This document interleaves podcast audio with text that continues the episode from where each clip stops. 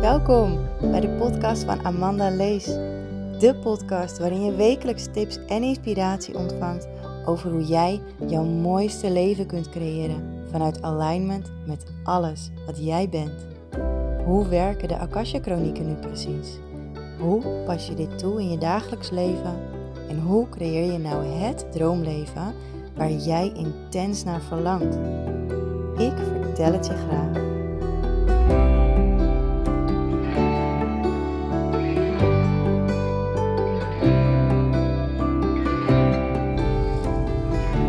Hey, welkom bij een nieuwe aflevering van deze podcast. Vandaag weer een aflevering vanuit de auto. Want ik merk dat ik toch wel veel makkelijker praat al rijdende voort. Um, in deze aflevering ga ik heel graag de diepte in over um, ja, toch wel een soort stukje ontwikkeling en hoe je daar komt. En dat je ja, zonder bepaalde dingen te ervaren ook niet kunt groeien. En ik merk dat bij veel mensen om me heen. Ik heb wel eens gehoord van ja, had ik dit of dit nou maar niet meegemaakt. Dan had ik heel anders in het leven gestaan. Of uh, ik wil eigenlijk weer worden wie ik was voordat dit en dit gebeurde. Persoonlijk vind ik altijd dat er twee kanten aan zitten. Want aan de ene kant, uh, als je natuurlijk iets heftigs hebt meegemaakt, dan is het vreselijk als je gevormd wordt daardoor. Aan de ene kant. Veel mensen blijven ook hangen in zo'n uh,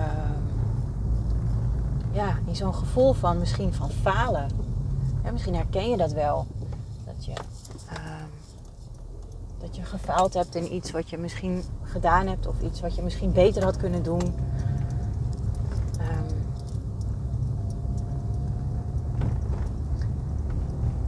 of misschien geef je iemand anders wel de schuld van iets wat jou is overkomen. Wat jou is aangedaan. Dat kan ook. Maar door andere mensen de schuld te geven, zul je altijd blijven hangen in het gevoel waar je in zit. En dat is niet wat je wilt, ga ik vanuit. Er zijn mensen die blijven bewust hangen. Er zijn ook mensen blijven onbewust hangen in zo'n, in zo'n patroon, in zo'n gevoel van, uh, ja maar hij of zij heeft dit mij aangedaan. Hij heeft er toch voor gezorgd dat ik in deze situatie ben beland. Ja, dat klopt. En het is ook heel naar. Het is misschien vreselijk, afschuwelijk. En in het hier en nu zou je kunnen bedenken: is dit nog? Nu nog wel zo? Of wil ik leiderschap gaan nemen over mijn leven? En uit die slachtofferrol stappen, hè, want dat is wat je bent op het moment dat je iets aangedaan wordt, dan ben je een slachtoffer. Je kan een verkeersslachtoffer zijn, je kan uh, een andere vorm van een slachtoffer zijn. Het kan gewoon. Dat, dat, ja. Maar je hoeft dat niet te blijven. En ik ben ook even aan het zoeken naar de juiste woorden, omdat ik niet de verkeerde woorden wil gebruiken. Ja, ik wil de juiste woorden gebruiken. Ik ben aan het zoeken. Je hoeft niet te blijven hangen in de rol waar je ooit ingezet bent. Jij mag kiezen. Jij mag leiderschap nemen over jouw leven. Jij mag er altijd voor kiezen om uit die rol te stappen en een andere rol aan te nemen. Dat mag je gewoon. Want iedereen heeft recht op een fantastisch leven. Iedereen heeft daar recht op. Ook jij. En misschien ben je daar nog niet. En misschien geloof je me ook niet als ik zeg dat het kan. En misschien ben je wel ontzettend onzeker. Of heb je last van angsten, behoorlijke angsten, die jou in de weg staan om uiteindelijk datgene te doen wat jij heel graag wil. Of angsten die in de weg staan om datgene te ontvangen wat jij heel graag wil. Maar weet dat jij niet jouw angsten bent. Weet dat jij um, gewoon jij bent. Je bent niet je onzekerheden. Je bent niet je angsten. Je bent niet je boosheid. Je bent niet je gedrag. Jij bent jij. En van binnen ben je een prachtige ziel. Pure essentie. Van mooiheid. Komt gewoon zo even in me op.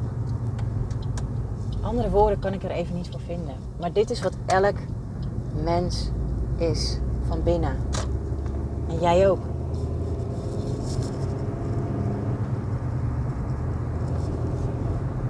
Ik vind het zo zonde als mensen blijven hangen. En uh, ooit was dat mijn valkuil. En ooit wilde ik heel graag de redder zijn.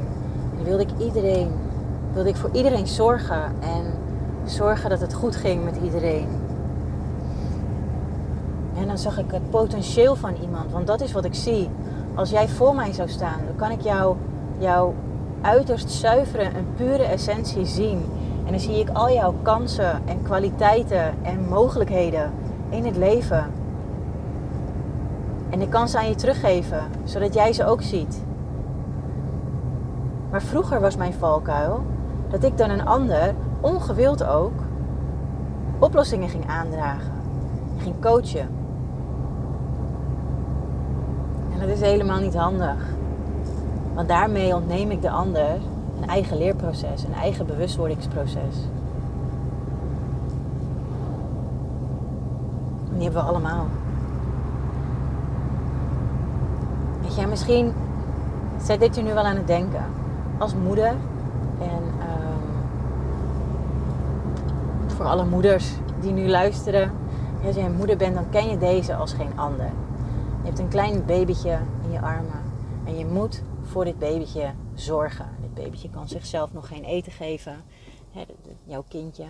Jouw kindje kan nog niet um, zelf naar het toilet. Jouw kindje kan nog niet uh, zelf naar bed. En jouw kindje kan, die kan dat allemaal nog niet. Dat moet je allemaal voor dat kindje doen. En dat kindje dat wordt groter en dat groeit en dat leert kruipen. En dat kindje leert zelf eten pakken. sommige kindjes zijn heel bij de hand, die klimmen gewoon zelf op een keuken. Uh, die trekken zelf de koelkast open. Maar als moeder kun je soms nog onbewust en ongewild in die rol blijven hangen. Om alles voor het kindje te doen. Terwijl het kindje steeds zelfstandiger gaat worden, gaat steeds meer zelf leren ontdekken. Leren en ontdekken. En um, het kindje wordt groter en nog groter en nog groter. En stel je voor, het kindje is vier. Jouw kindje. En jouw kindje gaat naar school. Als jouw kindje naar school gaat. En, maar het kindje heeft nooit iets zelf hoeven doen. Dus het kindje kan niet zelf, jouw kindje, kan niet zelf aankleden. Kan niet zelf uitkleden. Kan niet zelf een broodje smeren als je broodjes eet. Uh, kan niet zelf um, goede zelfzorg, zeg maar. Kan nog, nog niet zelfstandig uh, afvegen na toiletgang. Weet je, dat soort dingen omdat je dat nog steeds voor het kindje doet, voor jouw kindje. Je ontneemt je kindje dan de kans om zelf te leren. En dat is jammer, want um, jouw kindje is eigenlijk niet jouw kindje. En misschien dat ik daarom net onbewust zei het kindje. Want het kindje komt door jou heen. jij mag dit kindje ter wereld brengen. Maar het is, niet, het is niet van jou, het is niet jouw eigendom. Het kindje is, is zijn of haar eigen eigendom. En komt ter wereld met eigen lessen en eigen plannen. En, en eigenlijk, eigenlijk wil je dat zoveel mogelijk blijven stimuleren. Word nou maar gewoon lekker jezelf zoals, jij bent. we willen onze kinderen het liefst zo min mogelijk uh, kneden ieder geval zo min mogelijk laat kneden door anderen. En zoveel mogelijk kneden, kneden naar onze eigen normen en waarden. Um, maar aan de andere kant is dat goed. Kun je ook weer afvragen. Ik vind het zo interessant. Als ik ook kijk naar mijn eigen kinderen. De jongste is nu vijf. En zij vindt het nog heel makkelijk om te zeggen: Ja, ik, ik kan dit niet. Ik wil dit niet.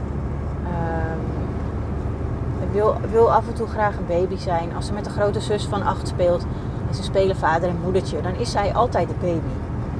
En zij wil heel graag dat anderen alles voor haar doen. En ik probeer nu zoveel mogelijk haar zelfstandigheid te stimuleren. Door bijvoorbeeld als zij een hele mooie jurk heeft uitgekozen om aan te trekken, zijn we beneden en dan heeft ze geen vestje. En dan zie ik dat ze het koud heeft. En dan zeg ik lieverd, zou het misschien lekker zijn om een vestje aan te trekken? Dan zegt ze nee. Dan kan ik natuurlijk zeggen als moeder, ja, want dat moet. En ik zie dat je het koud hebt. Want je gaat straks naar school. En als je dan koud hebt, heb je geen vest. Maar ik weet dat het niet werkt. Is ervaring. Dus dan vraag ik aan haar: wat is de reden dat jij geen vestje wil? Nou, zegt ze. Moet ik die zelf gaan halen van boven? Dat wil ik niet. Dat moet jij doen. dus ik kan al een antwoord. Had ik al kunnen invullen voor haar. Maar uh, ze geeft mij toch elke keer weer een ander antwoord dan ik verwacht. Vind ik ook wel heel leuk. Dat waardeer ik wel. En um, dan probeer ik ook echt het gesprek aan te gaan. Van oké, ik begrijp hè, dat je dat wil. Dat ik dat doe. Alleen ik heb er geen last van. Ik heb het lekker warm. Dus misschien hè, is het wel handig als je zelf even naar boven gaat. En het leukste vestje uit jouw kast gaat pakken. Zodat je die de hele dag aan kan hebben op school. En als je dan warm hebt, dan trek je hem gewoon weer uit. En dan zie je terecht denken: ja. En dan gaat ze naar boven. En dan komt ze terug. En dan zie je de stralen. ik dan, ik zie haar stralen. Met het mooiste vestje uit haar kast. Ja, het is zo makkelijk om alles voor een ander te doen en jezelf weg te cijferen. Of alles voor een ander te doen. Zodat de ander het niet hoeft te doen. Maar als de ander nooit wat hoeft te doen, dan wordt de ander lui, leert geen lessen, groeit niet. En gaat hangen in een afhankelijke rol. Nou, dan kun je denk ik wel invullen. wat er dan gebeurt. Dus, misschien de les vandaag. Nee, geen idee. Ik vind het echt, ik ben hier de laatste, de laatste jaren best wel mee bezig. En ik betrap mezelf er wel eens op dat ik uit gemak dingen overneem van anderen. Of dingen ga invullen voor anderen, terwijl ik dat helemaal niet kan weten. Maar dat hoeft niet. Dat hoeft niet. Ik hoef niet alles voor een ander te doen. En ook niet voor mijn kinderen. Of mijn kinderen. Ik zeg gewoon mijn kinderen. Maar zoals ik net al zei, het zijn niet mijn kinderen. Ze wonen bij mij. Ik mag ze grootbrengen. Ik mag ze lessen leren. Ik mag, ik mag er voor ze zijn. Ik mag ze leren om uh, zich veilig te voelen. In zichzelf. Zodat ze de wereld aandurven. Als klein meisje voelde ik mij niet veilig in mijzelf. Ik was onzeker als maar kan. Ik durfde tegen niemand te praten. Als iemand iets tegen me zei, nou, dan kroop ik helemaal in elkaar. Vreselijk vond ik dat. Dit heb ik ook geleerd, hè. Ik, uh, ik hoorde laatst terug dat ik uh, echt een powervrouw ben. Ik heb dat vaker gehoord. Een sterke vrouw. En uh, dat, je, dat iemand snel het gevoel kan krijgen dat ik, dat ik hem of haar soort van omverblaas. En um, ja, dat klopt. Dat doe ik. Onbewust. Ik sta helemaal in mijn kracht. En um, eigenlijk ben ik daar heel trots op. Heel trots. En ehm, wat, wat, wat het lastige is, is vroeger was ik dit dus niet. Vroeger was ik heel onzeker, angstig. Ging ik mensen wegduwen. Ehm, uit veiligheid, of uit, eigenlijk uit onveiligheid, uit, uit, angst voor onveiligheid. Mensen maar heel ver wegduwen, dan komen ze niet te dichtbij. En uh, dat is allemaal onzekerheid. Allemaal onzekerheid. Ja. En ik heb daarvan geleerd. Heel veel. Ik heb er heel veel van geleerd.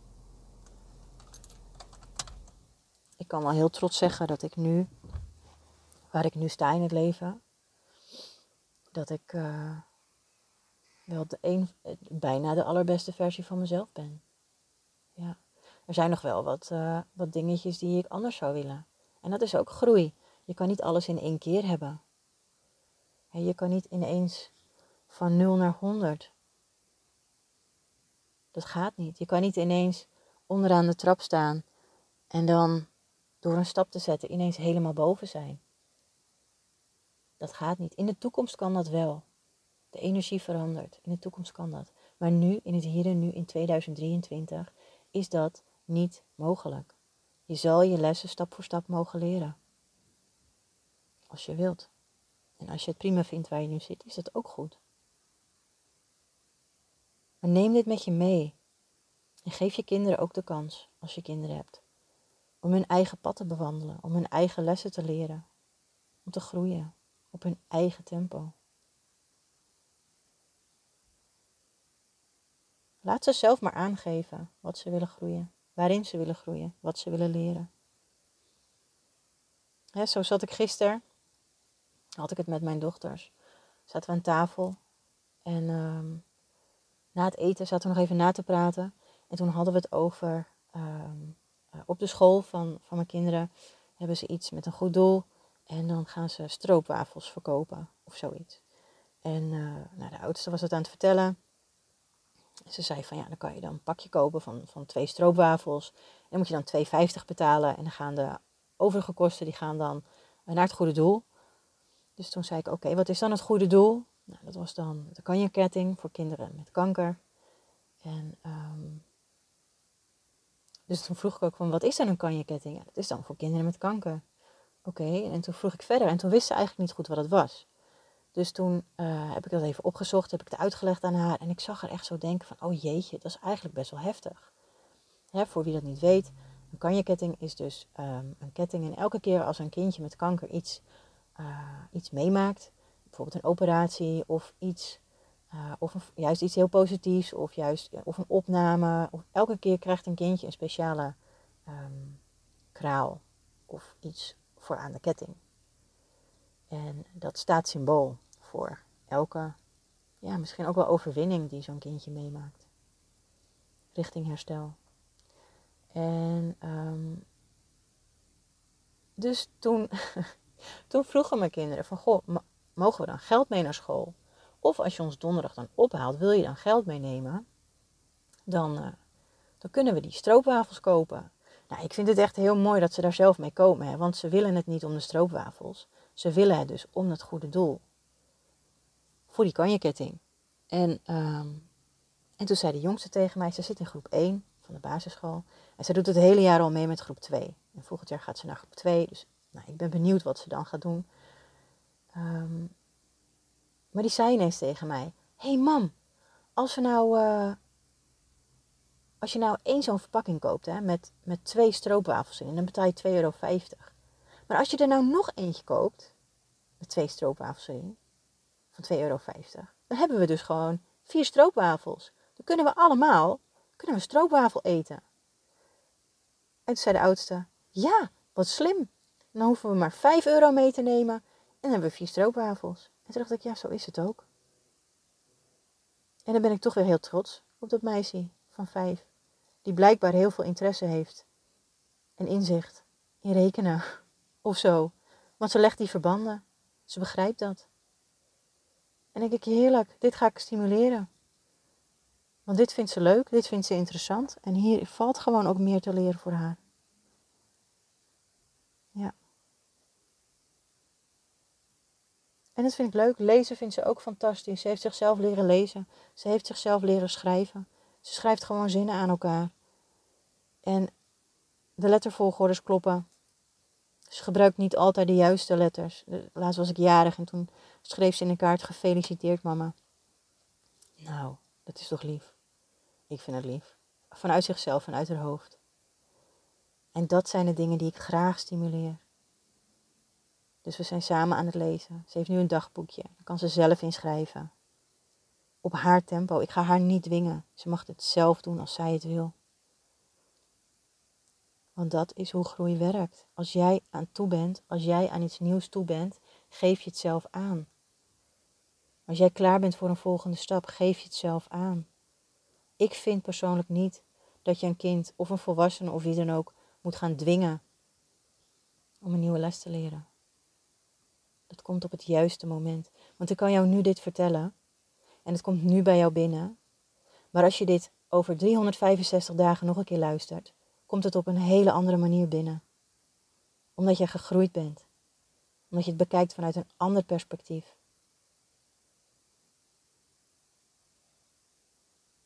En laat die even lekker binnenkomen. Ik ga deze aflevering afsluiten. Ik ben thuis aangekomen. En ik zie dat ik al 20 minuten aan het kletsen ben. Dankjewel voor het luisteren. En graag tot de volgende aflevering.